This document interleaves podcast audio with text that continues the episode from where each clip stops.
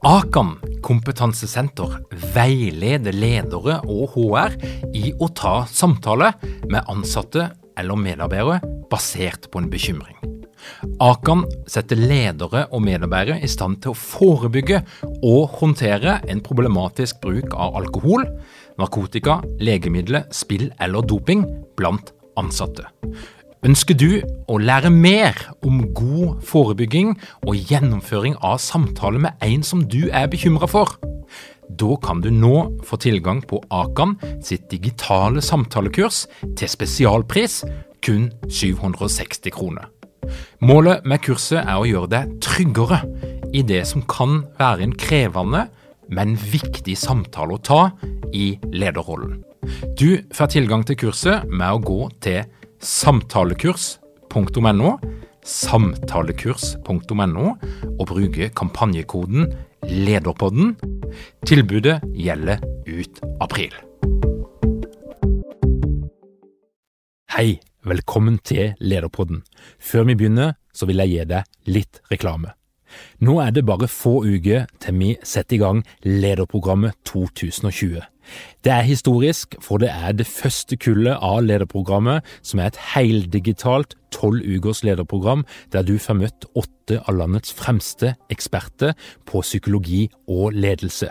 Det blir interaktive live workshops, det er læringsgrupper, det er treningspar, og vi legger det hele til rette sånn at du skal få best mulig utbytte, og at du skal få de beste forutsetningene for å gjennomføre endringer i din organisasjon og i ditt liv. Hvis du er nysgjerrig og har lyst til å være blant de 100 deltakerne som nå starter, så kan du gå inn på lederprogrammet.no.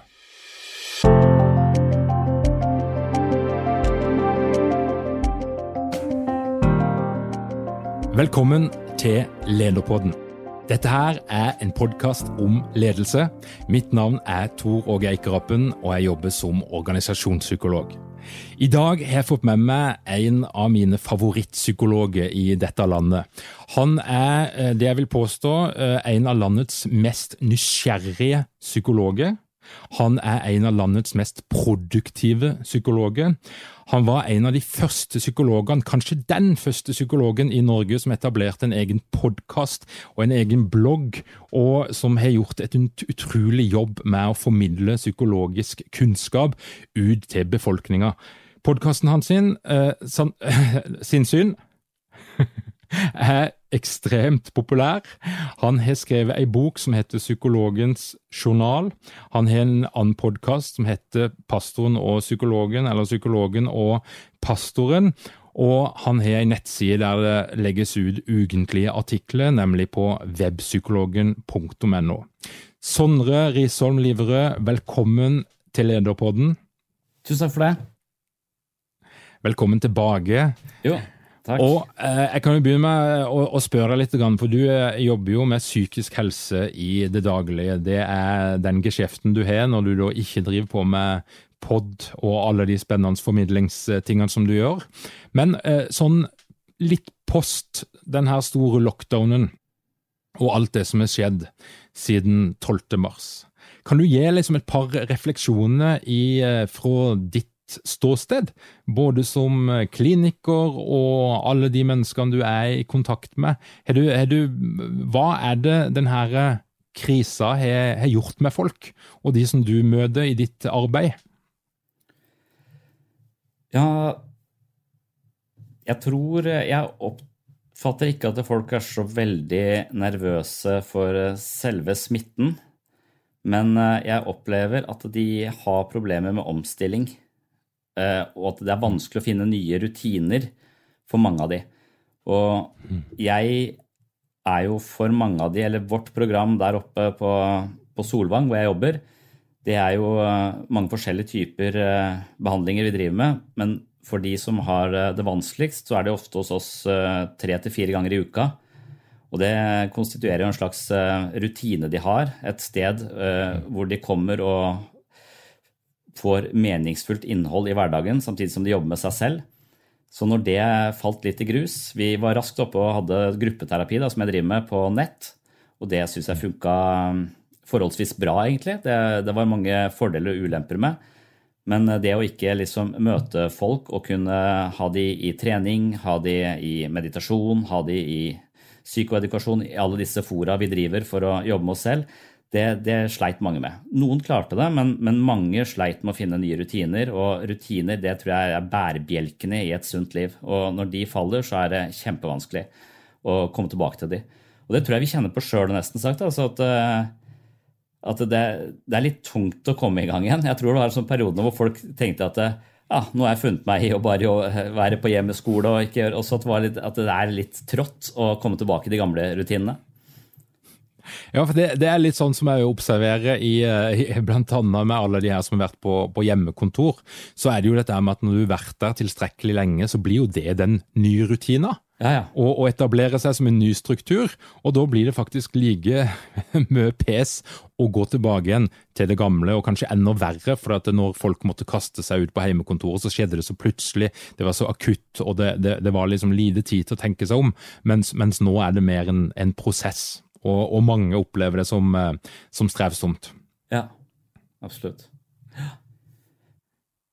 I dag så skal vi jo dykke litt inn i den mørke sida av ledelse. Og I siste episode så snakka jeg med Dag Nordbø om makt- og hersketeknikker. Og, og, det er egentlig en ganske grei bru derifra over til å snakke om narsissisme. Og vi skal snakke litt om ja, psykopatene blant oss. Det er et spennende tema og jeg vet at veldig mange syns dette her er, er ja, veldig interessant. Og så skal vi prøve å, å, å, dykke inn, litt inn i det og koble sammen din litt kliniske tilnærming og, og min organisasjonsmessige tilnærming, og se om vi, om vi finner ut av for noe. Men i hvert fall så er det et faktum da at eh, det er mye forskning på eh, narsissisme og ledelse. Eh, mye av den forskninga kommer fra USA, det er jo gjort litt i Norge. Eh, det, det en finner ut, det er at det er ca. 16% av alle ledere i USA de, de, det, det, de får ut, er at det, det er iallfall så mange ledere som har det, det som kalles narsissistiske trekk. Og så er det jo noen forskjeller her, og, og vi må nok gjøre en liten distinksjon mellom en narsissistisk personlighetsforstyrrelse, som er en veldig alvorlig diagnose, og det å ha narsissistiske trekk. Og Sondre, jeg vet at du, eh, ja, du, du nevnte i stad at du, du, kjenner flere som har fordypa seg også godt i dette her, men jeg vet jo at du òg i din podkast og i en del av det du snakker om, så har du tatt et dykk inn i denne sida. Kan ikke du forklare litt? Grann, Og er narsissisme for noe, og, og, og hva, hva, kjennetegner de personene som blir omtalt til å ha narsissistiske trekk? Mm. Jeg tror at vi må At begrepet er såpass litt sånn sekkebetegnelse, føler jeg. At det er ikke noen uh, clear cut forståelse. Det var liksom I litteraturen så var det Koht og Kørnberg som drev krangla om uh, disse tingene.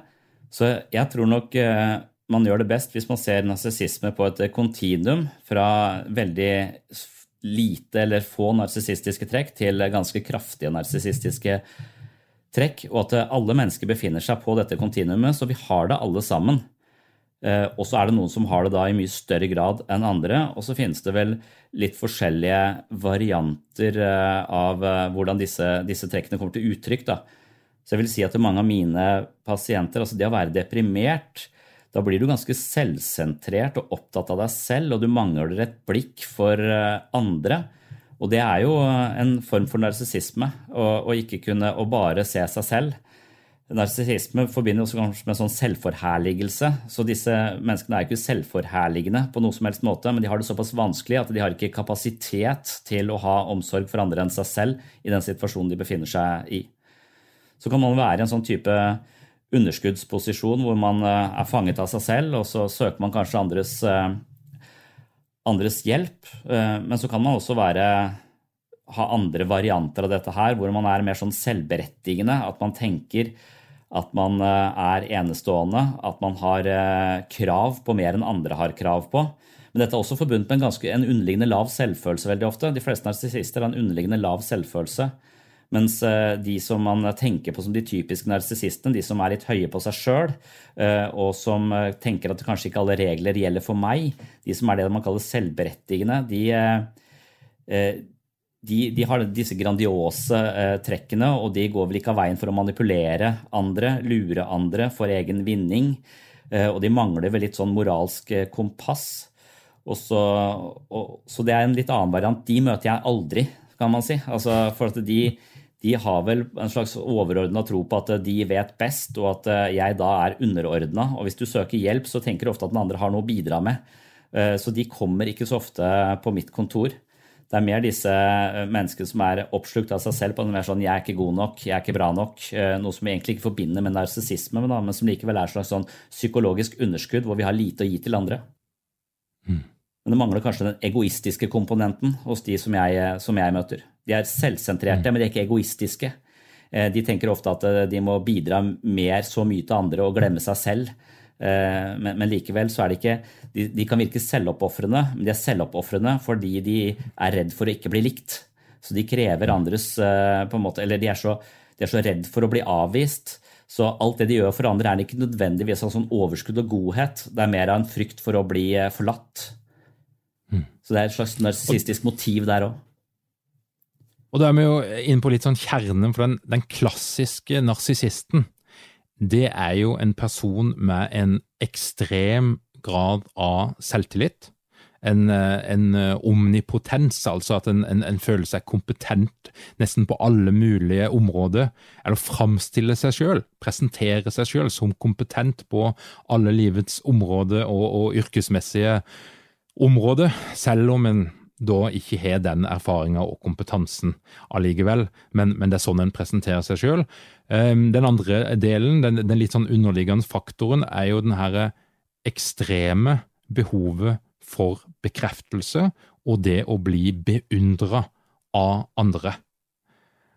Og, og, det er jo et paradoks, da, for at, uh, det er jo riktig sånn som du altså det, det, det, er jo dette her med at en, en, person, en klassisk narsissist, vil jo framstå som veldig overlegen, uh, kan være autoritær, vil da framstå som at vedkommende ser på seg sjøl som den mest perfekte i rommet til enhver tid, kan være forfengelig, ekstremt oppsatt av å bli sett på en, en viss måte, og bli avbilda på en viss måte, og, og, og regissere seg sjøl. Men på den andre sida så er det altså da en, eh, en, en brist mm. i selvfølelsen, eh, den egentlige opplevelsen av seg sjøl, som ligger under der som en sånn motor. Mm. Og dette her er jo eh, eh, komplekst. Um, men, men også andre egenskaper er det som den klassiske Vi skal liksom male det bildet, så skal jeg nyansere det litt etterpå. Men også andre type egenskaper sånn du tenker du en må føye på her? For du, du, du snakker litt om den her mangelen på empati. Ja. Før vi tar det, så lurer jeg på hva du tenker. For jeg har vært litt sånn selv, litt sånn eh, undrende til hele begrepet. For, eh, for ifølge Kohut så er dette dette er et fellesmenneskelig eh, trekk, og det handler om å høste nok anerkjennelse og beundring, så vi lærer å elske oss selv. Altså, og da kommer vi til en sunn narsissisme, hvor jeg er fornøyd med meg selv. Og hvis jeg er fornøyd med meg selv, så trenger ikke jeg din applaus hele tiden. Derfor er ikke min hovedmotivasjon å få deg til å like meg, men kanskje at jeg heller søker å høre på hva du sier, eller er interessert, mer nysgjerrig, eh, og ikke så selvhenførende. Men så, men så, tenker jeg det kan finnes to, to, varianter. Den klassiske varianten av narsissist det tenker man ofte er den personen som vokste opp med enten en deprimert mor eller en deprimert far, og fikk ikke en følelse av å være god nok for den man var, så man bygde et slags falskt selv eh, som man presenterte for verden fordi man hadde en slags grunnleggende opplevelse at den jeg er, er ikke god nok for foreldrene mine. Hvis de hadde en depresjon, hadde ikke kapasitet til å se meg, så jeg bygger et falskt selv. Og dette selvet som, eh, som er falskt, det viser vi til verden. Et slags sosialt selv da, som vi alle har til en viss, eh, til en viss grad. Men eh, narsissistens eh, sosiale selv er eh, såpass langt fra den personen det en person egentlig føler at den er.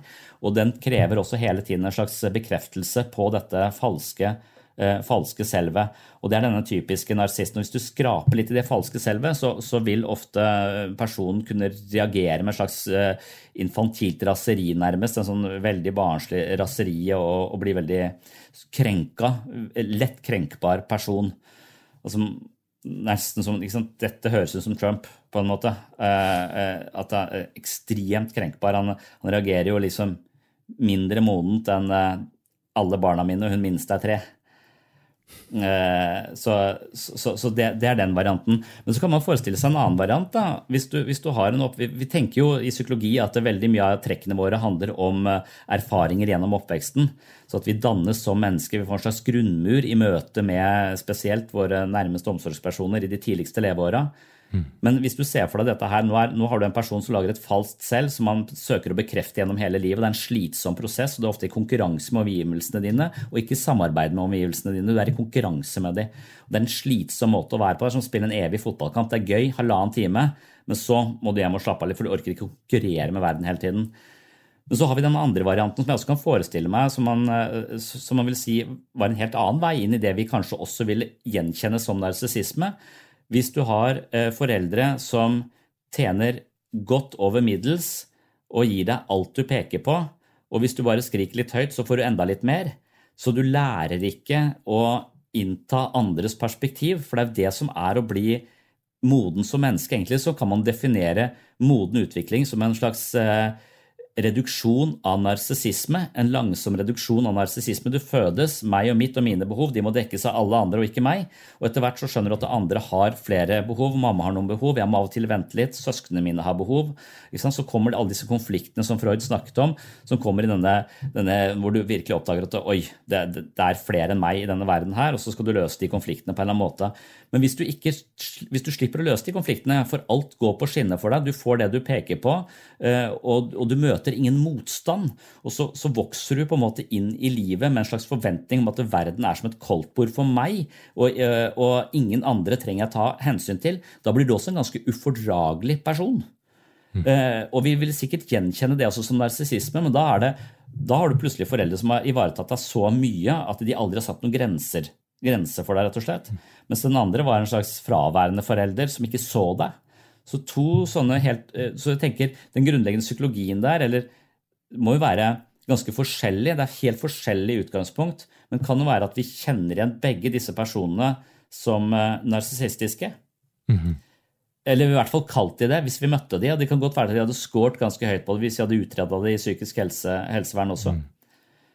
Mm. Så, og, ja. Ja, og det er jo veldig, er jo veldig spennende at det er flere innganger til det, og, og at foreldre ja, Jobben vi gjør til, som foreldre, da, den, den, er jo helt grunnleggende. Uansett hvilken inngang du velger. Men jeg Vi ser litt på TV-serier begge to, og jeg regner med du har sett Exit på, på, NRK. Jeg er ikke sikker på om du har det, Sondre? Har du det? Jeg har gjort det. Mm. Du har gjort det, flott. Ja. Og der har vi noen, noen karakterer da, som eh, framstender som narsissistiske, sånn som jeg opplevde. Altså, de har iallfall noen trekk som er ganske tydelige. Altså, de opplever seg selv som suverene, de opplever at de kan ta seg til rette, at det er regler som ikke gjelder for dem, og det er en ganske stor grad av, av kynisme. Og, ja. og, de søker å bli beundra gjennom penger, gjennom status, gjennom biler, gjennom å ha et fett hus, osv. Um, og det jeg da er litt nysgjerrig på, det er jo de her karakterene uh, Hvis vi skal bruke de som et eksempel, da, det er litt sånn forenkling, men kan en tenke seg at enten at de søker de posisjonene for det at de i utgangspunktet har narsissistiske trekk, eller kan en tenke seg at nesten hvem som helst som kom eh, seg opp i et sånn type miljø, og, og, fikk de mulighetene som de fikk, og fikk den posisjonen som, som, de har fått, at en hvilken som helst person, hvis du da gikk den veien der, så ville du tilegne deg noen narsissistiske trekk.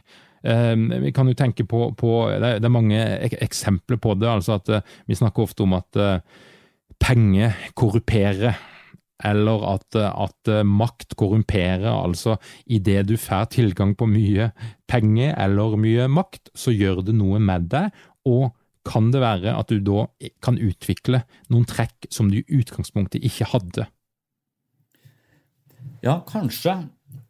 For det der metoo-skandalen som uh, gikk over verden, og som fortsatt går over verden, det sjokkerte meg litt at det fins så mange selvsentrerte kjøtthuer som uh, ikke har noe omtanke for andre mennesker. Så, og det virket nesten som den ene kjendisen etter den andre dukket opp, så at makten eh, førte med seg en sånn type selvberettigelse, hvor man langsomt fikk en litt sånn vrangforestilling i forhold til hva jeg egentlig har krav på, eller jeg, hvordan jeg kan ta meg til rette uten å tenke på, eh, på andre mennesker. Så, så, det kan godt være at du kan bli satt inn i et miljø som, eh, som fostrer det. Men jeg leste en annen undersøkelse som viste, som var gjort på på narsissistiske trekk i forhold til eh, forfengelighet og selvberettigelse og et par andre sånne karakteristiske trekk, så sjekket man folk når de var 18 år, eller 17-18 år, Eh, og så sjekket man de også da litt senere i livet for å se om eh, For man tenker kanskje at personlighetstrekk er ganske, ganske stabile. Eh, men det viste seg at de som hadde høy grad av narsissistiske trekk, de som var veldig forfengelige, de som var litt sånn jeg driter i regler-aktig, de, de, hadde ofte lederstillinger og hadde kommet langt. og og man, en del av de hadde også, de som var forfengelige, de hadde også bedre helse. For de, de, er jo opptatt av utseende og kropp, og da også hva de spiser. Eh, så de, de, lå hakket, eh, hakket foran der. Og det viste også at de, de som eh, Den undersøkelsen viser også at det, det, vi alle vet, eller det som ville være ganske selvfølgelig, at det, de fleste av oss blir mindre narsissistiske etter hvert som vi blir eldre. Fordi at vi blir tryggere på oss selv. Vi trenger ikke å Spesielt forfengeligheten vår. da. Den, jeg var jo ekstremt mye mer forfengelig når jeg var 18. Jeg var opptatt av hvor mange hull det skulle være i buksene. Og, hva, og, og, og, nå tar jeg det som ligger øverst. Uh, jeg har ingen uh, sånn veldig bevissthet rundt klær lenger. Av og til på grensen til dekadens, føler jeg. Men, men, det er jo fordi at de, etter hvert som man blir tryggere på seg selv, så vil man ikke trenge alle disse ytre ytre bekreftelsene. Så, så det vil jo avta. Men for de menneskene som kom inn i lederposisjoner og gjerne kunne bestemme og styre over andre mennesker, så, så virket det som det ikke gikk så mye ned.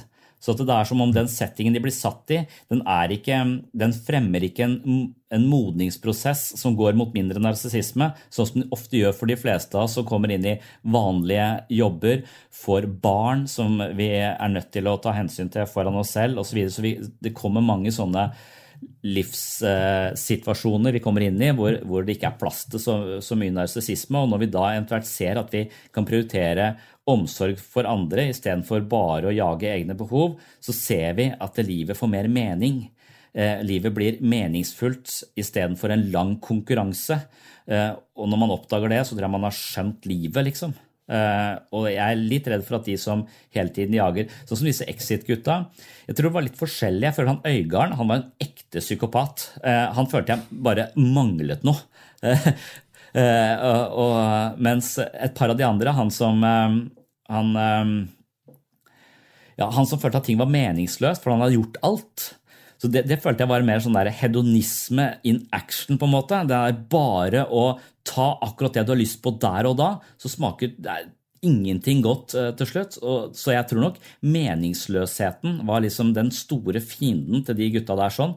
Og, og, veien fra denne livet i luksus og gjøre akkurat som jeg vil, til selvmordet, den føler ikke jeg er så veldig lang, for du blir ensom av det der.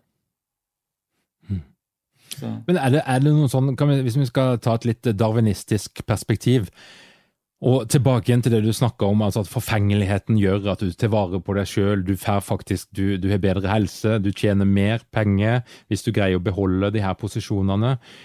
Er, er det sånn at eh, darwinistisk sett så, så, er det å ha narsissistiske trekk noe som genetisk vil bli foretrukket?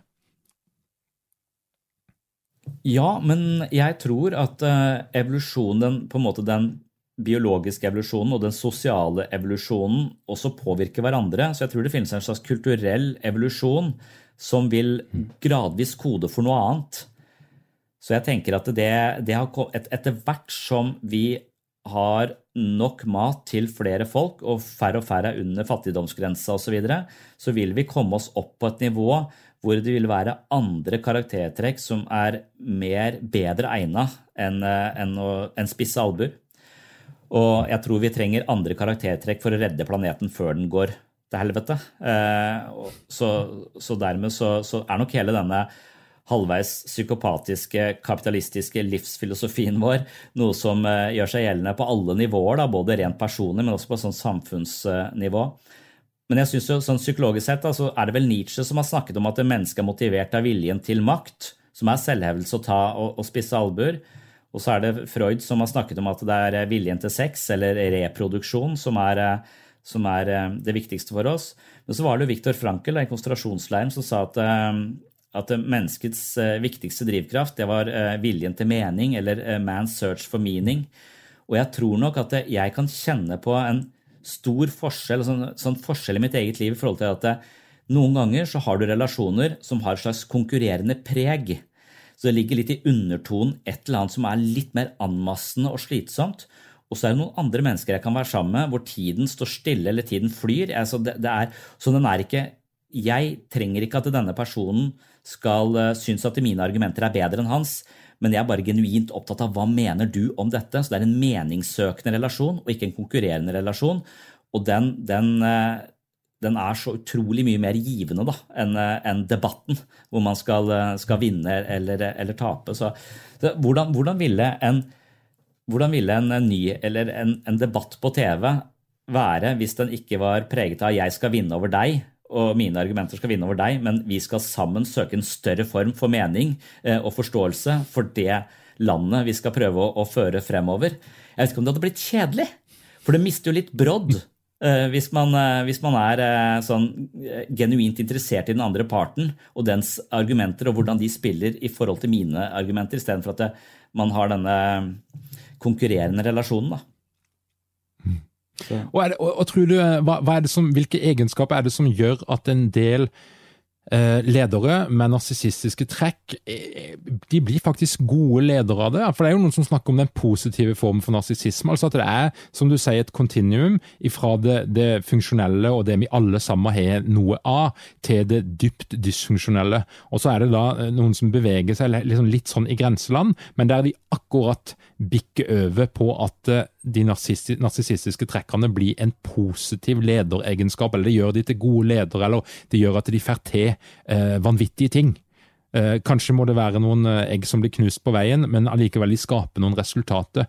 Hvilke, hvilke egenskaper hos eh, den klassiske narsissisten, hvis en skal begynne å plukke litt, er det du tenker kan komme positivt ut i en lederrolle? Ja, jeg er uh, Du har sikkert rett i det. Altså at det kan være visse fordeler ved å være det som man kaller sånn Machiavelli, eller eh, Niccolo Machiavelli var vel fra renessansen, denne italienske diplomaten som var kjent for kynisme og det å ikke ha noen som helst Altså kobla fra uh, det empatiske følelsesperspektivet så det handlet eh, det var, eh, det var, helt mekanistisk om å gjøre å vinne og tjene mest eller komme seg lengst. ikke sant? Så, så, så det er også en sånn uh, egenskap man snakker om innenfor uh, personlighetspsykologi. Sånn, uh, hvor, hvor, høyt du scorer på en sånn Mac-skala, Machiavelli-skala. Så, så, det er jo en Hvis du ikke trenger å ta hensyn til andre menneskers følelser, så kan du kanskje bli mer produktiv, og du kan kanskje komme deg lenger, og du har kanskje eh, en mulighet til å manipulere, sno deg unna, ikke ha moralske skrupler og kaste avfallet i nærmeste innsjø istedenfor å gå til en eller annen gjenvinningsstasjon. Så, så, du får nok noen sånne materielle eh, fordeler, og du kan sikkert styre folk på sånn måte, men jeg tror at på lang sikt så, så, kan jeg ikke se for meg at det der er eh, bærekraftig. Det er det ikke. Det, det, er jo destruktivt. Eh, så selv om du får gode resultater, så trenger du ikke være eh, bra for, eh, for, menneskene eller for planeten eller for hva det skal være. Så jeg vet ikke, men du kan si for det, kan du ha ledere som ikke har noe, som, har, som er høyt, høyt modent utvikla, som ikke har eh, narsissistiske trekk, men er inngitt for en slags større meningsbærende følelse for helheten, snarere enn bare 'jeg skal vise meg som leder', alle disse ego-greiene. For det er så tydelig. Jeg føler at Barack Obama var i politikken for noe annet enn Trump er. Selv om han sikkert også har narsissistiske trekk, men var ekstremt mye mindre. Han var opptatt av å kunne inkludere mange perspektiver og ta hensyn til mange. Og det er en helt annen, annen leder, lederstil.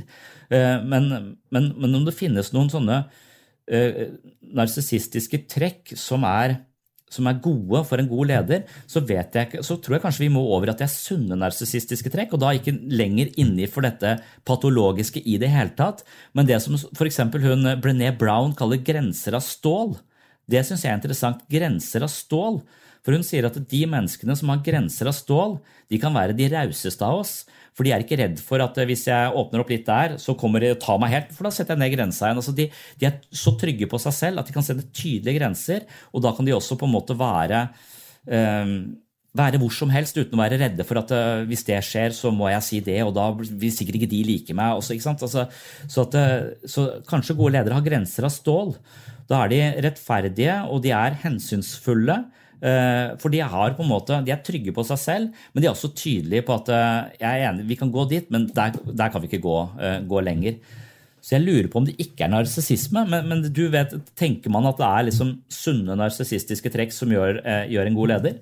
Det kan hende. altså. I, i, I, litteraturen, altså, hvis du skal se det fra et sånn kapitalistisk eierperspektiv Hvis jeg eier en virksomhet, så kan det være at jeg iallfall mm, på kort sikt, og kanskje også på lang sikt, vil profitere på å ansette en leder med narsissistiske trekk. For jeg vil jo òg lett kunne manipulere den lederen gjennom å, å, å, la vedkommende skinne, la vedkommende få positiv oppmerksomhet og fòre lederen med dette her. Så vet jeg at det er ei gulrot som vedkommende vil strekke seg til etter hele tida.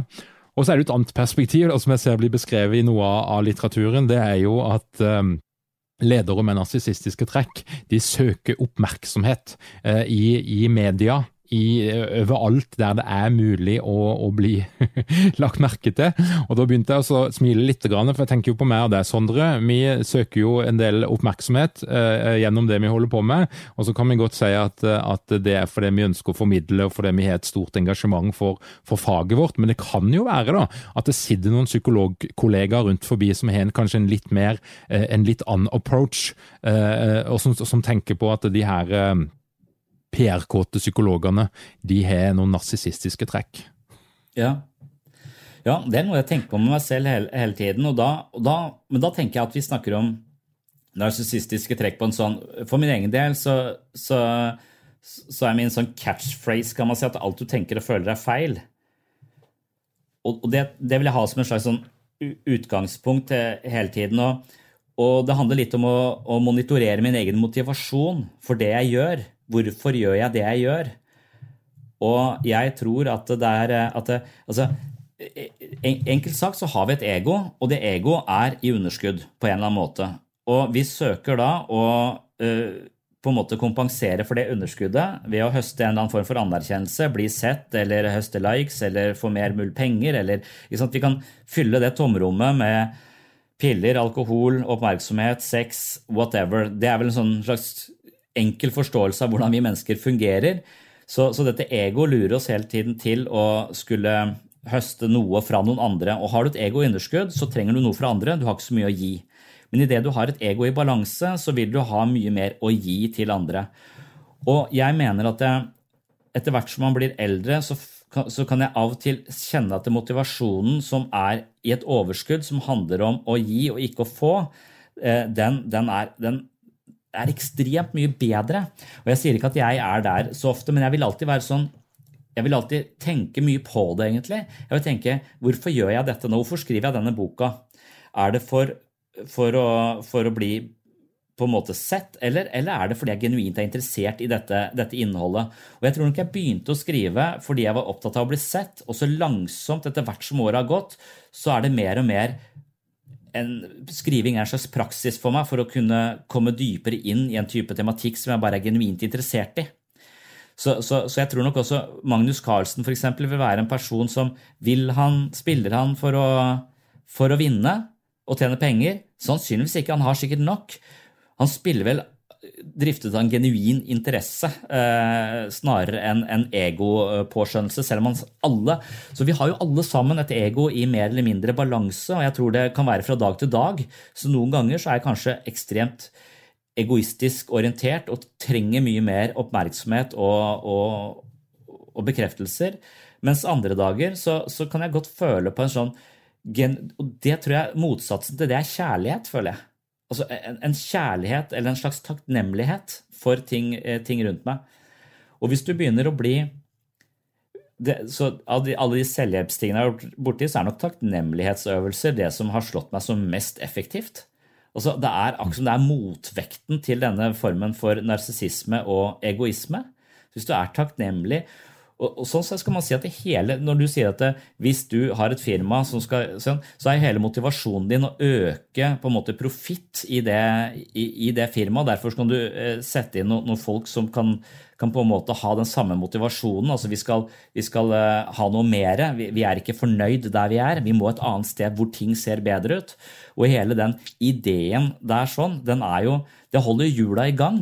Men det er jo også en slags narsissistisk uh, trekk ved hele, hele, kapitalismen, eller denne eh, ideen om at vi skal øke og vokse, eh, vokse hele tiden på denne, på denne måten. Så, så, jeg tenker hvis du hele tiden er driftet av at eh, her jeg er nå, så er det ikke eh, godt nok, jeg må dit, jeg må dit, jeg må dit, så har du en voldsom motivasjon. Og hvis du da ikke har så mye empati og så mange moralske skrupler, så kan du hele tiden bare kjøre deg framover og vinne eh, mer og mer. Eh, problemet er nok at det er den verste motivasjonen livet har å by på. Det er veldig motiverende, men hvis du skjønner at det å samarbeide, det å øh, føle på en måte kjærlighet til kollegaene sine altså det å virkelig bare bry seg om øh, de menneskene som du har, har rundt deg, kanskje litt på bekostning av hele tiden vekst og inntekt, så, så, så tror jeg du har, har skjønt livet. Og, men, men du, du, blir ikke Du kommer nok ikke øverst på, på disse uh, Du kommer ikke øverst på disse skattelistene, eller hva det De kommer ikke øverst på skattelister uansett, de som er rikest. Eller jeg vet ikke hva slags liste ja, De som tjener mest, er listen over de som tjener mest. men det er en veldig god eh, plan, da, Sondre, for vi skal ta for oss skattelistene, og så skal vi gjøre litt uh, screening. Ja. så får vi se. Ja. Det kan bli en god doktorgradsavhandling. Ja. Men, men altså, det er jo noe med den enorme motivasjonen. og Jeg vil jo fastslå, da, bare for å ta et ledelsesperspektiv, at den narsissistiske lederen det er en gammeldags form for ledelse. Altså I moderne ledelse så er du relasjonsorientert, du vil andre vel, det er noen helt andre motivasjonsfaktorer. Men til tross for det, så er jo Trump et godt eksempel på at det, eh, det er fremdeles flust av den type ledere med den type trekk, eller den klassiske alfahannen, den ekstremt konkurranseorienterte som er liksom på døgnet rundt, for at de drivkraften er så ekstrem, og den kommer da ifra et egounderskudd. Eh, så, så, så det er noe usunt der. men altså det fins, men i moderne ledelsesteori så tenker en ikke at det er den beste formen for ledelse. Men jeg tror nok òg at det er noen som skaper seg store formuer eh, gjennom å agere på den måten. Ja. Men for å skifte litt perspektiv, da, så er det jo både narsissist og psykopat det er to sterke begreper. Det er såkalte maktord. Det vil si at i det øyeblikket du definerer noen andre som eh, psykopat eller som narsissist, så sitter du på et sterkt våpen. Og min erfaring etter å ha jobba med konflikter i organisasjoner Kjempespennende. For det som der ofte skjer, det er jo at når konfliktene skrur seg tilstrekkelig til, når det begynner å bli intenst, når det begynner å bli en, en alvorlig konflikt, så finnes det alltid en psykopat. Det er alltid noen som omtaler den andre parten som psykopat. Og hvis det skulle vært så mange psykopater i dette her landet som jeg har hørt om, så, så, måtte halvparten av den mannlige befolkninga vært psykopater. Og det samme øh, tror jeg du kan dra ifra, ifra hvis du ringer til noen som jobber med parterapi, så tror jeg nok òg det å omtale tidligere partnere etter et stygt brudd som psykopater, er òg ganske utbredt. Vi tyr til det for å definere oss sjøl som den som har rett, og så umyndiggjør vi den andre gjennom å da Har dere mange ledere uten trening eller utdannelse innen ledelse? Mangler dere en felles kultur og praksis for ledelse? Ønsker dere å være bedre rustet for fremtidig vekst og endring? Da kan et internt lederutviklingsprogram være en god investering. I Execu så er vi eksperter på å designe og gjennomføre bedriftsinterne lederutviklingsprogram. Hvis du ønsker å lære mer om hvordan vi kan hjelpe dykken til å få enda bedre ledere, ta og klikk deg inn på execu.no.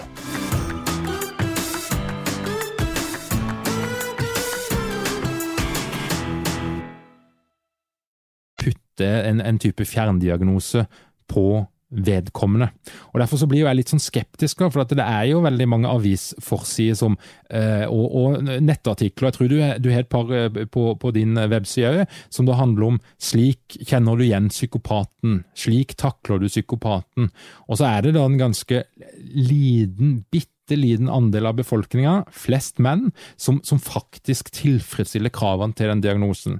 Et annet aspekt er jo at i konflikter så oppfører de fleste av eh, oss vi oppfører oss annerledes, vi har et annet atferdsmønster fordi at vi er så pressa og vi er i, så i, i, underskudd ofte i, i konflikter. Så, eh, og, og, Tenker du rundt dette her, Sondre, altså begrepsbruken, altså når, når, det blir brukt um, som et maktmiddel, ikke nødvendigvis med dårlig intensjon, men det er noe vi tyter og kanskje oppleves faktisk den andre personen som en psykopat i den gitte situasjonen, men da er vi jo oppe på, i, igjen på dette her med situasjon, person og, og den fundamentale attribusjonsfeilen. Ja, jeg tror det er helt, helt, riktig, men jeg tror at eh, de fleste mennesker blir tre år når de krangler. Uh, og treåringer er jo uh, på en måte, De er jo de mest voldelige samfunnsborgerne våre. De er bare heldigvis ikke så store. Eh, så, så, så, så, det kjenner man seg vel igjen i. altså Når man er i en eh, krangel og har mista evnen til å regulere seg selv og se et større perspektiv. altså Det er med en gang vi blir følelsesmessig oppglødd, at eh, evnen til å innta flere perspektiver mellom impulsen og det vi klarer å lire av oss, det uteblir. Så det er mental styrke er egentlig å opprettholde denne slags klarsynet også i møte med, med i konflikter, i, i, i, store Når vi er veldig følelsesmessig eh, påvirka.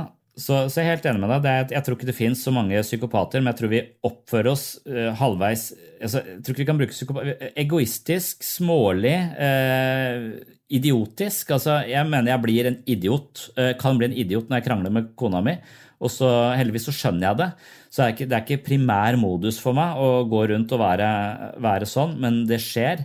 Uh, stadig vekk. Så jeg tenker at vi må, de som, de som, virkelig skal få den merkelappen på seg, så må det være et vedvarende mønster over, øh, over lang tid. Og man skal ha sett det også i barndommen. Altså det, det, dette skal være noe som starter med at du, du liker å plage dyr, Øh, og, så, og, og sånn, sånn, fortsetter det. Så, så, jeg vet ikke om det finnes sånn vaskeekte psykopater, hvis man tenker på det som en slags hjerneskade. da, At du, mangler det senteret. Og da, da, mener jeg mangler det. For det, jeg tenker de fleste av oss har det, men det, hos noen så er det ikke utvikla. Altså, du har ikke stimulert det, for du har ikke vært i et miljø som har stimulert empati jevnt og inn til andre. Du har opplevd så mye faenskap at, det, at, at du, du lever i en spis eller blir spist verden. Så det er jo det som er Melanie Klein sin greie, er jo at øh, de som lever i den paranoid schizoide posisjonen, har ikke opplevd, nok kjærlighet, og de, og de, opplever verden som et sted hvor øh, folk er ute etter å ta deg, og det er andres skyld. Du, så, så, det er en sånn paranoid posisjon. Hvis du opplever å bli møtt med kjærlighet selv når du angriper andre, så vil du langsomt gå over i det hun kaller en depressiv posisjon, som er en sånn kapasitet for omsorg. Det kalles depressivt, litt rart, men det er egentlig, nå er du ikke redd for ikke eh, vinne eller redd for å bli tatt eller, eh, eller, komme sist. Du er redd for å miste folk. Så, så det er en helt annen. Så, så, jeg tror absolutt ikke at det fins eh, så mange som fortjener den eh, merkelappen, men at de, de, oppleves sånn, og at det, handlingene er ganske sånn eh, på fire-femårsstadiet, det tror jeg veldig mange opplever i de fleste parforhold uh, ukentlig. Men, uh, men uh, det er når det kronifiserer seg som et mønster, så ser du virkelig ikke den andre, den andre i det hele Eller du ser ikke deg selv i det hele tatt, og hva du kjører inn i den, den relasjonen. Så du er litt blind for, for det perspektivet. Og da tror jeg vi psykopatbegrepene sitter løst. Jeg hører de også veldig ofte.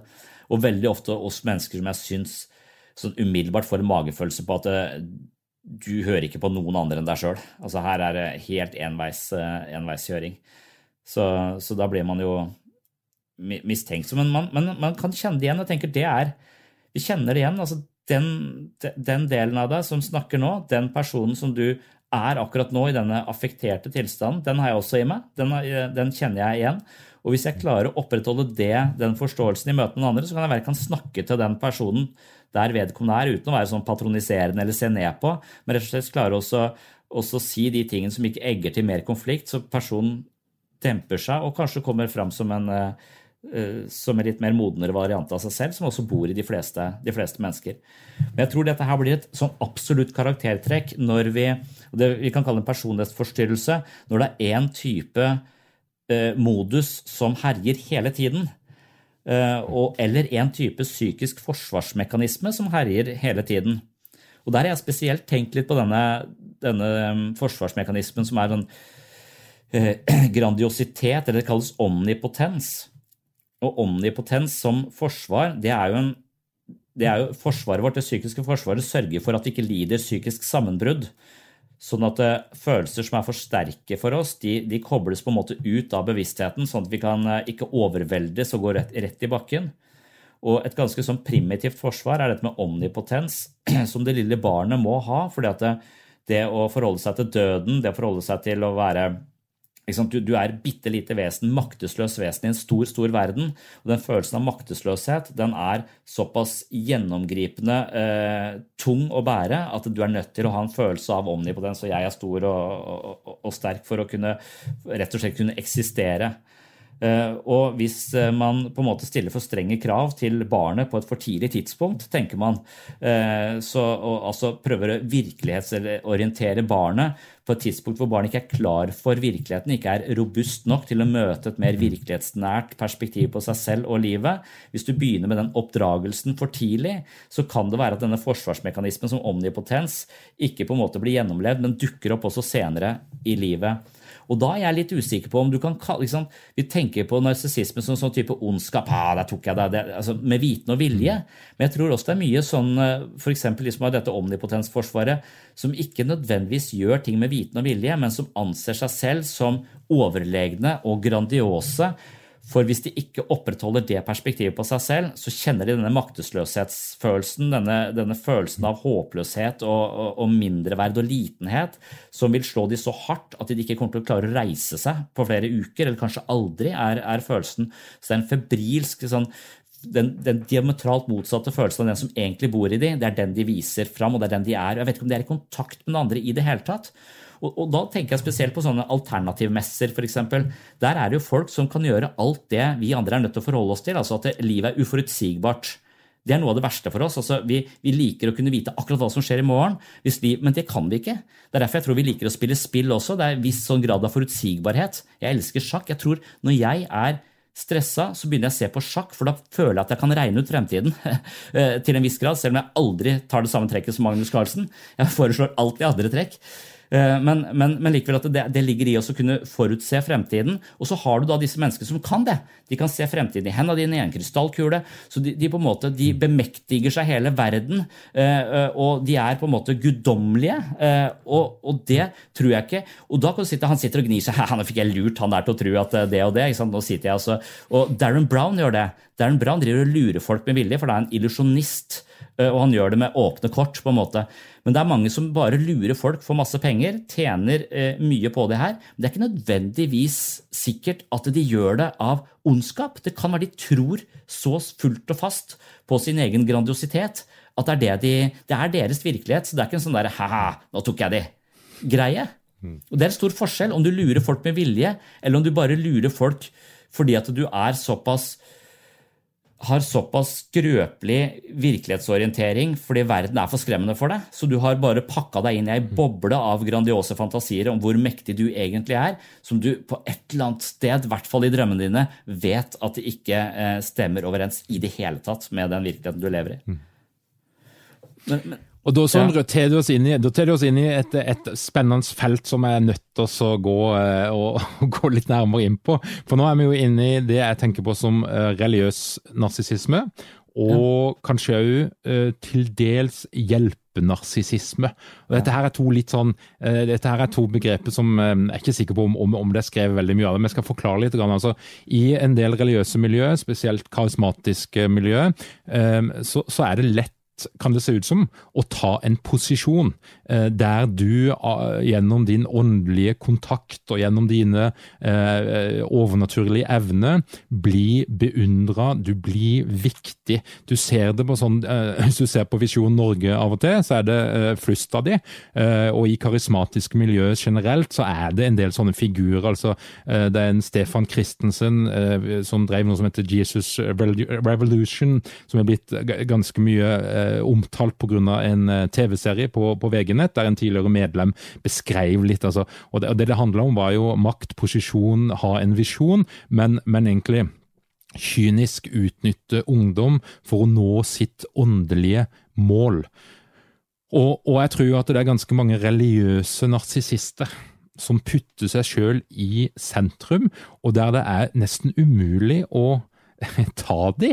For at med en gang du argumenterer med, med, Gud og åndelighet og den slags, så har du et frikort til å utøve denne formen for narsissisme. Og mange av de er jo veldig opptatt av å hjelpe andre, og det å putte seg selv i en hjelpeposisjon, det, det er jo òg noe som handle, kan handle om, hvis vi tenker litt sånn Münchhausen by proxy, eh, altså det å sette seg sjøl som den, den, som andre er avhengig av, den som andre trenger, den som andre må ha hjelp av. Der er vi jo òg inn på en eller annen form for, for destruktiv atferd som, som, kan være linka til narsissisme.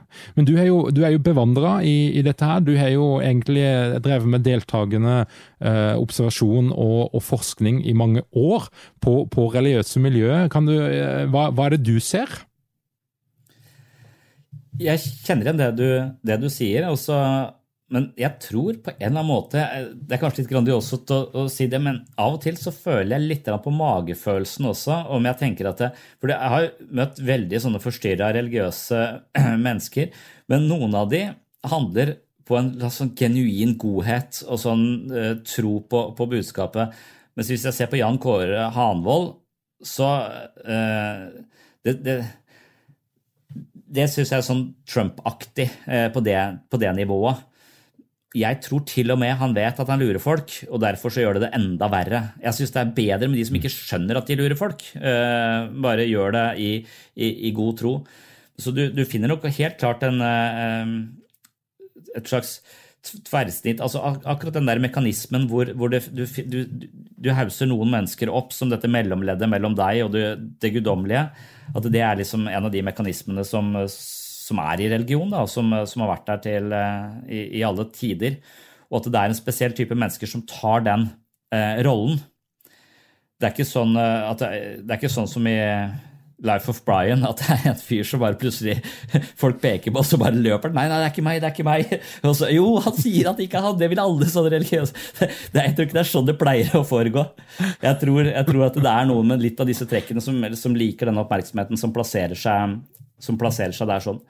Men så er det jo litt sånn Vi kan jo ikke diagnostisere alle mennesker som vil opp og fram som, uh, som narsissister heller, men, jeg tror at jeg, jeg vil si at alle mennesker har jo et ego i underskudd, og det er det en enorm motivasjon i, hvis det ikke er så stort underskudd at du går helt dunken. Så, så idet du har, føler at du har et eller annet å bevise, har et eller annet å jobbe for, så er det jo masse motivasjon og drivkraft i det det er, det er det jeg har kalt et objektspill. Eh, så, så det, det, handler om å, å, få det man trenger da, for, å, for, å, føle seg, seg, god nok. Problemet er vel at du aldri egentlig Altså, du, du spiller på litt feil premisser, for det du søker å tilfredsstille, er en, eh, en følelse av ikke være verdig som menneske, kan man si. Og, og, så speiler du det i ytre omstendigheter, og allerede der så begår du en slags livsfelle.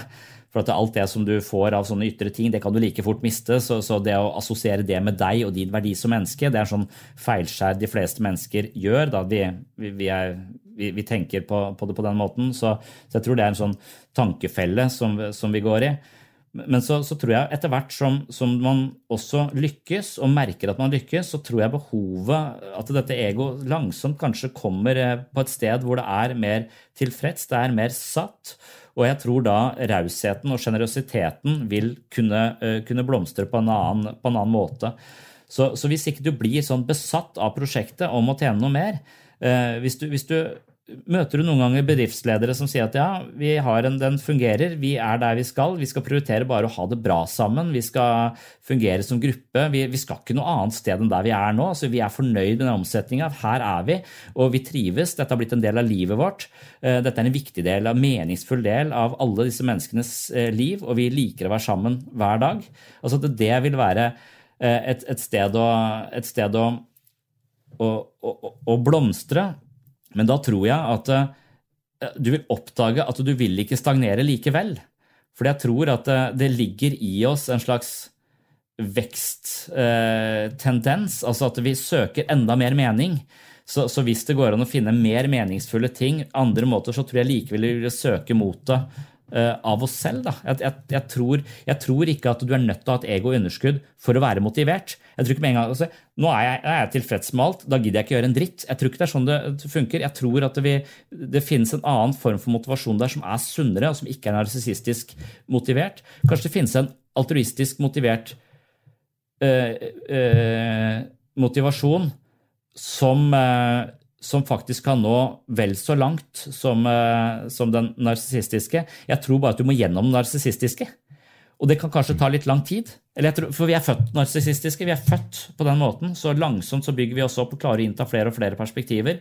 Men så tror jeg etter hvert at det, du vil utstråle en form for tiltro, en slags sånn trygghet i deg sjøl, som, som, som, absolutt vil være fantastiske lederegenskaper, men det vil kanskje ikke være de lederegenskapene som, eh, som ligger med de ansatte hvis, å, hvis, de vil ha mer lønn. Altså de som bare utnytter posisjonen sin og, og, og, og ikke har omtanke for andre, for andre, mennesker.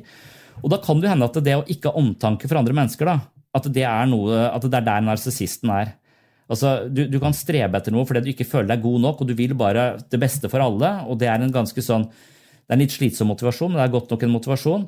Men, men så kan du også disse mer grandiose 'jeg er så stor og jeg er så fantastisk', jeg bare vil ta det jeg vil ha. Livet er her for meg, og litt sånn Exit-folkeaktig.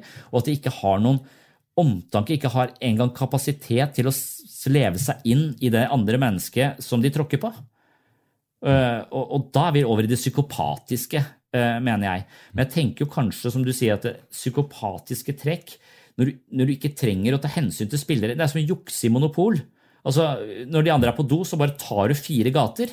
Altså, Du, du vinner jo spillet, men, men du, du, du, vinner jo på en sånn måte at uh, du kommer jo til å sitte der med alle gatene, og ingen liker det.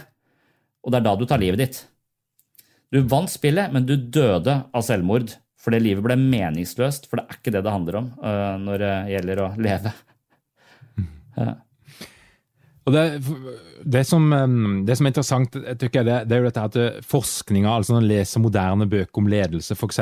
Give and Take av Adam Grant, som, som går ut på at de som gir, de, det er de som lykkes altså de som, som, ønsker virkelig det beste for andre, common good. Vi snakker jo om indre motivasjon, altså opplevelsen ja. av mestring, av, av, mening, purpose, som mm. er en sånn buzzword som har ridd businesslitteraturen i, i, en del år. Det er den ene sida av det. Det er forskninga, det er det intellektuelle, og det er, det er alle bøkene. Den andre sida, det er jo det som faktisk eh, eh, eh praktiseres. Og da kan vi ta Google vi kan ta Facebook. Vi kan se uh, sammenligne altså hva, hva, er det de her holder på med. Uh, hvil, hvilken relasjon har de f.eks. til Kina, diktaturet Kina uten menneskerettigheter, som helt klart er bad guys. Mm. Det er det ingen tvil om. Uh, men allikevel, hvilken rolle er det de her store selskapene da spiller? Og, og, og da kommer det jo for en dag at selv om de nok vil ha massevis av flotte verdiord og do good, mange fine slagord, så er jo realiteten det er jo at de vil ha verdensherredømme, de vil ha vekst, og de vil ha det for enhver pris. og de er klare for å inngå moralske kompromisser for å få det til. Og, og, der er det jo da en sånn, den, den der differansen mellom da, hva, hva vi sier vi gjør, og hvilke verdier vi har, and so on, og det som da forskninga sier innenfor ledelse, og det som på en måte ledelsesmiljøet er enige om, og den faktiske praksisen, spesielt i store konsern og, og store konglomerater, der er det en stor eh, avstand. Mm. Ja. Og og det er noen paradokser der, da, som, som, som forteller noe om at uh, ok, forskninga kan si ditt og datt, og ledelsesbøker kan si ditt og datt, men mm. i praksis så er det altså ikke helt sånn det fungerer. I hvert fall på, på, i, i, et visst sjikt av ledelse. Mm. Ja. Det er, det er, fall, det er noe jeg selv reflekterer ganske mye eller tenker ganske mye på. Jeg lurer på altså jeg føler at jeg har noen verdier og har noen moralske prinsipper som jeg, som jeg holder ved. Men jeg stoler jo ikke på meg selv på noen eh, sånn, Alt jeg tenker og føler er feil. Så jeg er hele tiden ute etter hva er motivasjonen min, hvorfor gjør jeg det, hvorfor sier jeg det nå? Det er det som er å være psykoterapeut. det er jo hele tiden å tenke når jeg er irritert på dette mennesket, hvorfor er jeg det? Er det fordi det ligner meg? Er det fordi ikke sant? Hva, hva er det jeg reagerer på? Så jeg er jo sånn, sånn Default mode er å undersøke denne min egen motivasjon.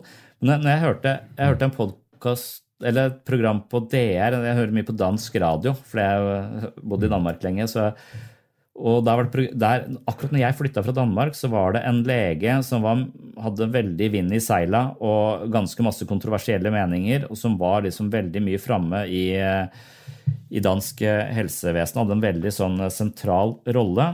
Men så viste det seg at han drev med uh, uh, vaginal massasje eh, av pasienter. Eh, og det er jo ikke innafor.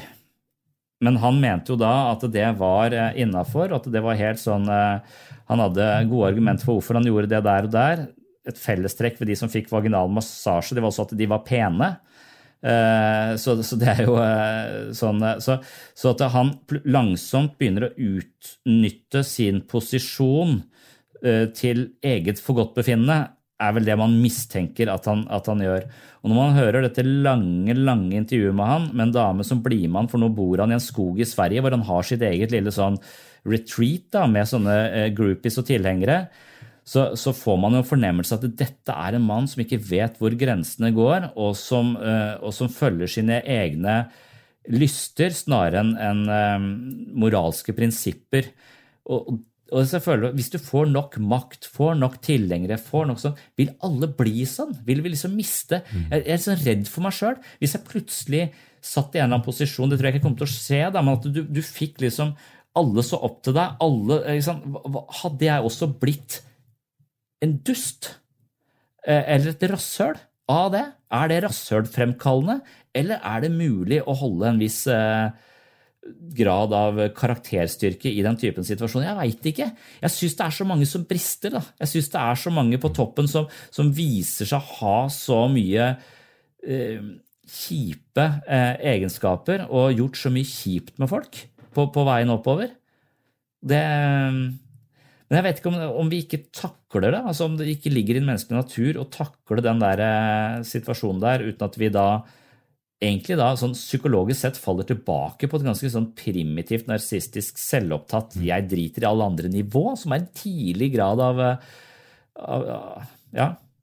Eller om du rett og slett eh, er en større del av de menneskene som har de trekkene i seg hele tiden, men er flinke. Når du leser bøker om psykopater, så er det alltid sjarmør og tyrann. Så, så, det er jo som om man spiller andre mennesker som et slags, eh, som et slags spill. Altså at jeg, jeg vet åssen du eh, er. Jeg trykker på de og de knappene, så får jeg det sånn som jeg, sånn som jeg vil. Akkurat det tenker jeg litt selv, det der når jeg møter det jeg oppfatter som narsissister. Altså, eller jeg, jeg, oppfatter ikke som narsissister, jeg bare oppfatter at noen mennesker, spesielt menn over 60, kan ha et eh, litt sånn eh, ego som er sånn ah, gressklipper, og, så, og så, så, driver jeg bare smører. Eh, ja, du er faen så flink med den maskinen, jeg er så dum, jeg forstår ingenting av disse maskinene. Og, og da føler de seg viktige, og så gjør de mer for meg. De hjelper meg mer. Sånn kan jeg tendere til å agere når jeg merker disse, disse skjøre egoene som trenger denne skryten. Eller hvis jeg er i en butikk og skal handle noe, og så får jeg en så, så, så jeg merker en sånn en, så kan jeg godt bare gi de det de trenger, på en måte. Det er ikke sikkert jeg får noe ut av det, men, men det, det, jeg merker at det behovet er der. da. Og Jeg vet ikke om det gjør meg til en, til en narsist eller en psykopat, men, det, men jeg kan føle på at noen sånne situasjoner er litt lett å manipulere. For du merker at det er ja. Jeg minner meg på, I siste episode hadde med Dag Nordbø, så nevnte han at han, han hadde en sånn tendens til å Når han kom i de situasjonene der han trengte noe fra andre, ja. eh, som kanskje var litt vanskelig, så hadde han da en sånn der eh, automatikk at han alltid sa at du, dette her er vel egentlig helt umulig, eller nå spør jeg om for mye, ja. men Og det er litt av den samme ja, greia. Ja, ja. men de, de, jeg, jeg, tror jo at en må se det i et litt sånn systemisk perspektiv. For at eh, hvis du har mye makt, og hvis du har mye penger, så blir du behandla på en annen måte av de omgivelsene. Du, du, du, kommer først i køa. Mm. Eh, folk vil, li, altså de vil bli likt av deg. De vil gi deg fordeler som du ikke nødvendigvis har, har krav på. Du vil systematisk bli behandla på en annen måte. Eh, og det kan jo da òg være med på å styrke den her narsissistiske tendensen. I tillegg så er det jo sånn at hvis du sitter med mye makt, og penger, og ofte så følger det hverandre, så vil du få relativt lite sosial korreksjon. Og Hvis du i tillegg til har den narsissistiske tendensen at du eksploderer idet noen våger å stille kritiske spørsmål til din atferd, eller våger å, å, gi deg en eller annen form for korreksjon, så er det altså, da, da, da blir det aggresjon. Så, så, er det klart at da òg vil du få, få innspill som kan bidra til å justere ditt eget selvbilde og din egen måte å være på. Så jeg mm. tror jo du har rett i det at, eh, at, det er altså noen mekanismer som òg handler om omgivelsene og det systemiske, som gjør at eh, det er lett å bli drittsekk. Mm. Hvis du har mye makt og mye penger og en, en posisjon da, som, som, gjør at andre beundrer det. Ja, for vi dannes jo i andres blikk hele tiden. Så det tenker jeg er et veldig viktig poeng. Da, at, at vi, vi, blir sett på på en, på en helt bestemt måte. Og langsomt så vil det også blir toneangivende for sånn vi oppfatter oss selv. Så, så, en god porsjon lav selvfølelse, det er egentlig sunt. Eller Altså, det, det er uh, for, for, dette er en slags livsfelle hvor du egentlig får det sannsynligvis bedre, du blir rikere, men andre får det litt kjipere, men du blir en drittsekk av det. Altså, og det er ikke sikkert at det går opp for deg i det hele tatt, på noe som helst tidspunkt. Mm. Men likevel så er det um, det, er, det, er en, sånn, det, er masse tankefeller. Vi tror at høye mennesker er eh, smartere, vi tror at pene mennesker er bedre foreldre osv. Så, videre. så en alvorlig tankefelle du kan gå i hvis du får for mye makt, er å bli høy på deg sjøl og, og, mangle korreks for, for, den måten du, du fremstår på, eller er på. Ja. Mm. Hvis jeg skal prøve å trekke ned noen linjer her, så, så vi har alle sammen vi er født med et sunt behov for anerkjennelse. Og, det er viktig å få tilfredsstilt det behovet fra tidlig alder. Vi trenger å bli sett, vi trenger å få bekreftelse på hva vi kan og hvem vi er. Og det er en helt sunn, naturlig og, og, medfødt egenskap som alle mennesker har. Og det, det, er en viktig del av det som skjer i det sosiale samspillet, det er jo å få bekreftelse. Men så kan det jo da uh, bli et overslag der det gjenger litt av skaftet. Det blir et svart hull som aldri kan fylles, og der du hele tida søker bekreftelse, og det er liksom hovedgeskjeftelsen din i livet, så er vi på vei inn i, i det narsissistiske. Så, så det, og det fins mennesker som tilfredsstiller de her kriteriene, det er det ingen tvil om, men det er ganske få. Og så finnes det noen av oss som kan få de trekkene i noen gitte situasjoner. Og så kan vi jo snakke om at ok, hvis du er på et visst sjikt og, og, nok makt og nok penger, så, så, er det mange som vil ha naturlig tendens til å trekke mer i den retninga. Det er noe med dynamikken i det. Og så er det jo litt sånn viktig å få sagt tydelig, og jeg er veldig opptatt av å si det veldig tydelig, at det å putte merkelappen narsissist eller psykopat på andre, det er en alvorlig ting. Eh, og sånn strengt tatt så er det jo bare psykologer og psykiatere som har lov til å sette de her diagnosene, men det er altså svært vanlig hvis du opplever at du blir urettferdig behandla, hvis du er i en konflikt der du tenker at den andre tar feil og du sjøl har rett, så er det et maktmiddel å putte den merkelappen på andre. Og det er, det er, en uting. Og jeg tenker jo at media er litt med på å bidra der, for det, det, er så deilig. Og hvis du kan bare få plassere noen andre i psykopatboksen eller narsissistboksen, så løser du altså, da, da trenger du ikke ta noe ansvar sjøl for at det gikk sånn som det gikk. Men Sondre, hvis vi nå tenker at det, det fins ledere som har sterke narsissistiske trekk. Det er helt klart at det gjør. Hvis vi da ser til USA, altså 16 så vil jeg tippe at i Norge så er det sånn cirka det samme.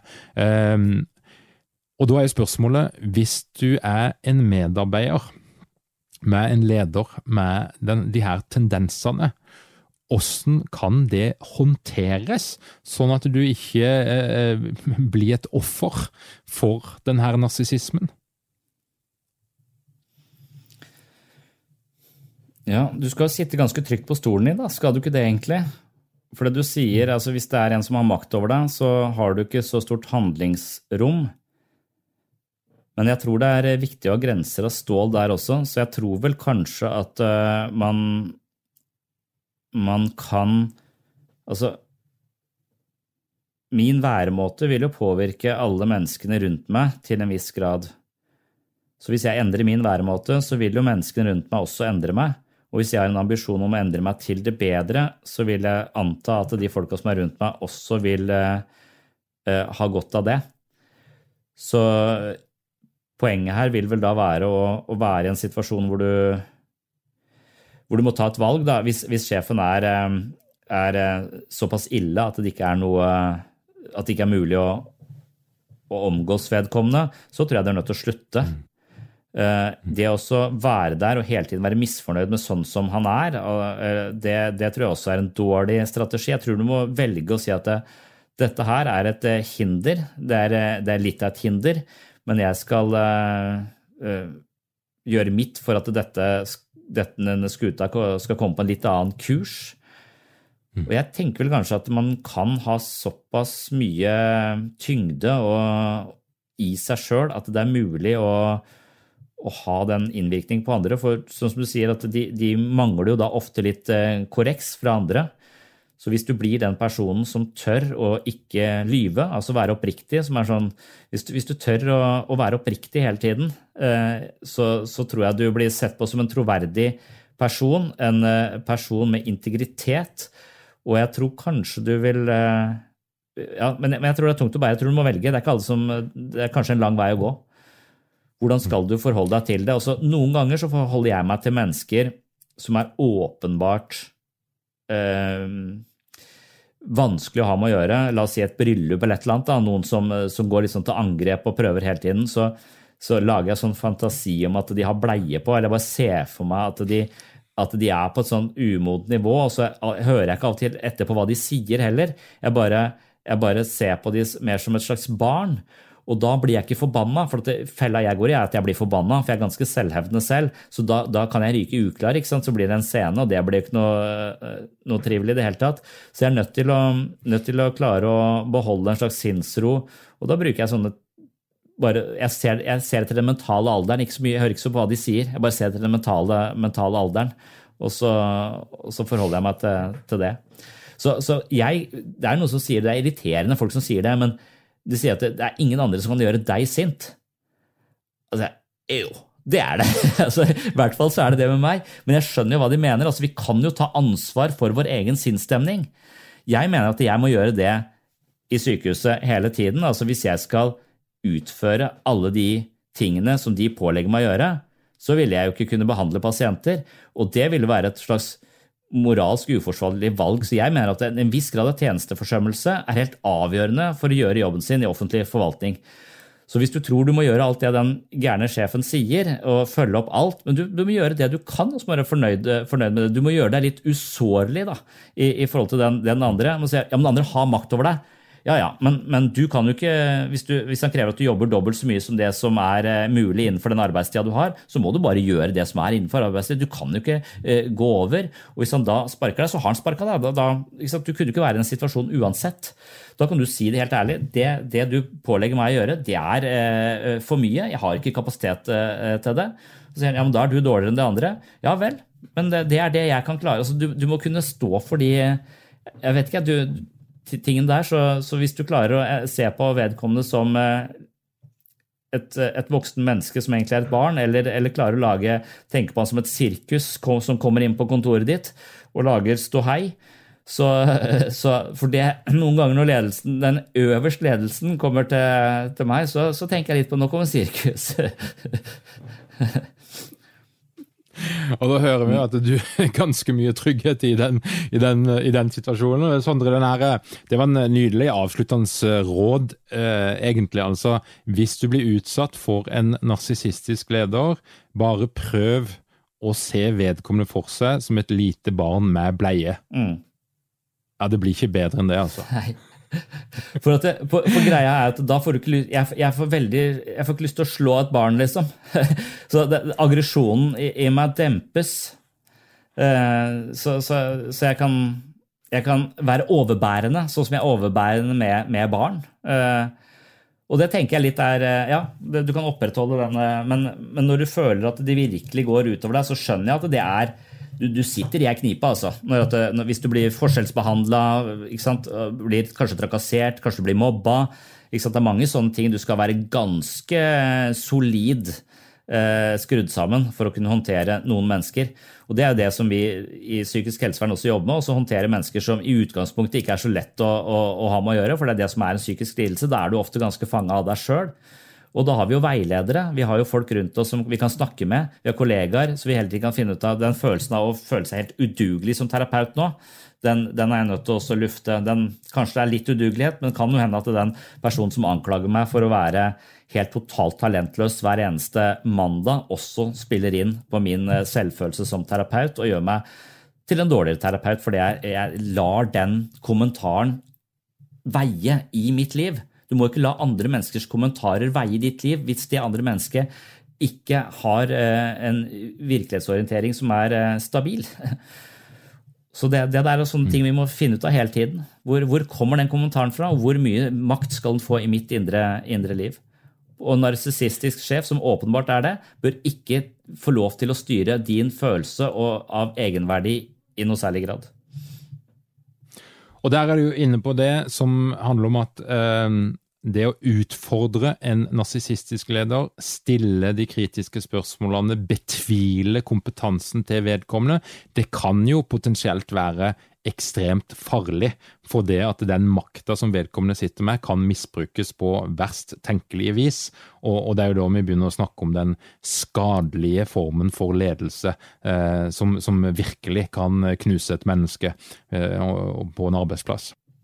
Mm. Sondre, Tusen hjertelig takk for at du kom med i Lederpodden. Det er alltid en fryd å snakke med deg. Det er utrolig med, med perspektivet, og derfor så blir jo dette her en ekstra lang lederpod, men jeg tror det virkelig er verdt å lytte til.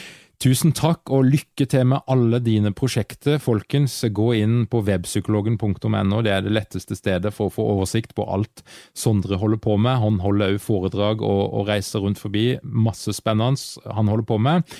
Um, og da er det jo uh, for din del, Sondre, du skal ha sommerferie fra og med i morgen. I morgen. Ja. ja.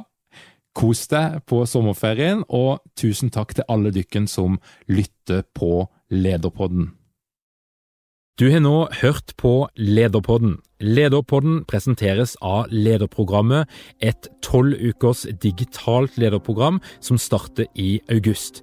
Det er kun plass til 100 deltakere. Programmet er i ferd med å fylles opp. Hvis du er nysgjerrig, ta en kikk på lederprogrammet.no.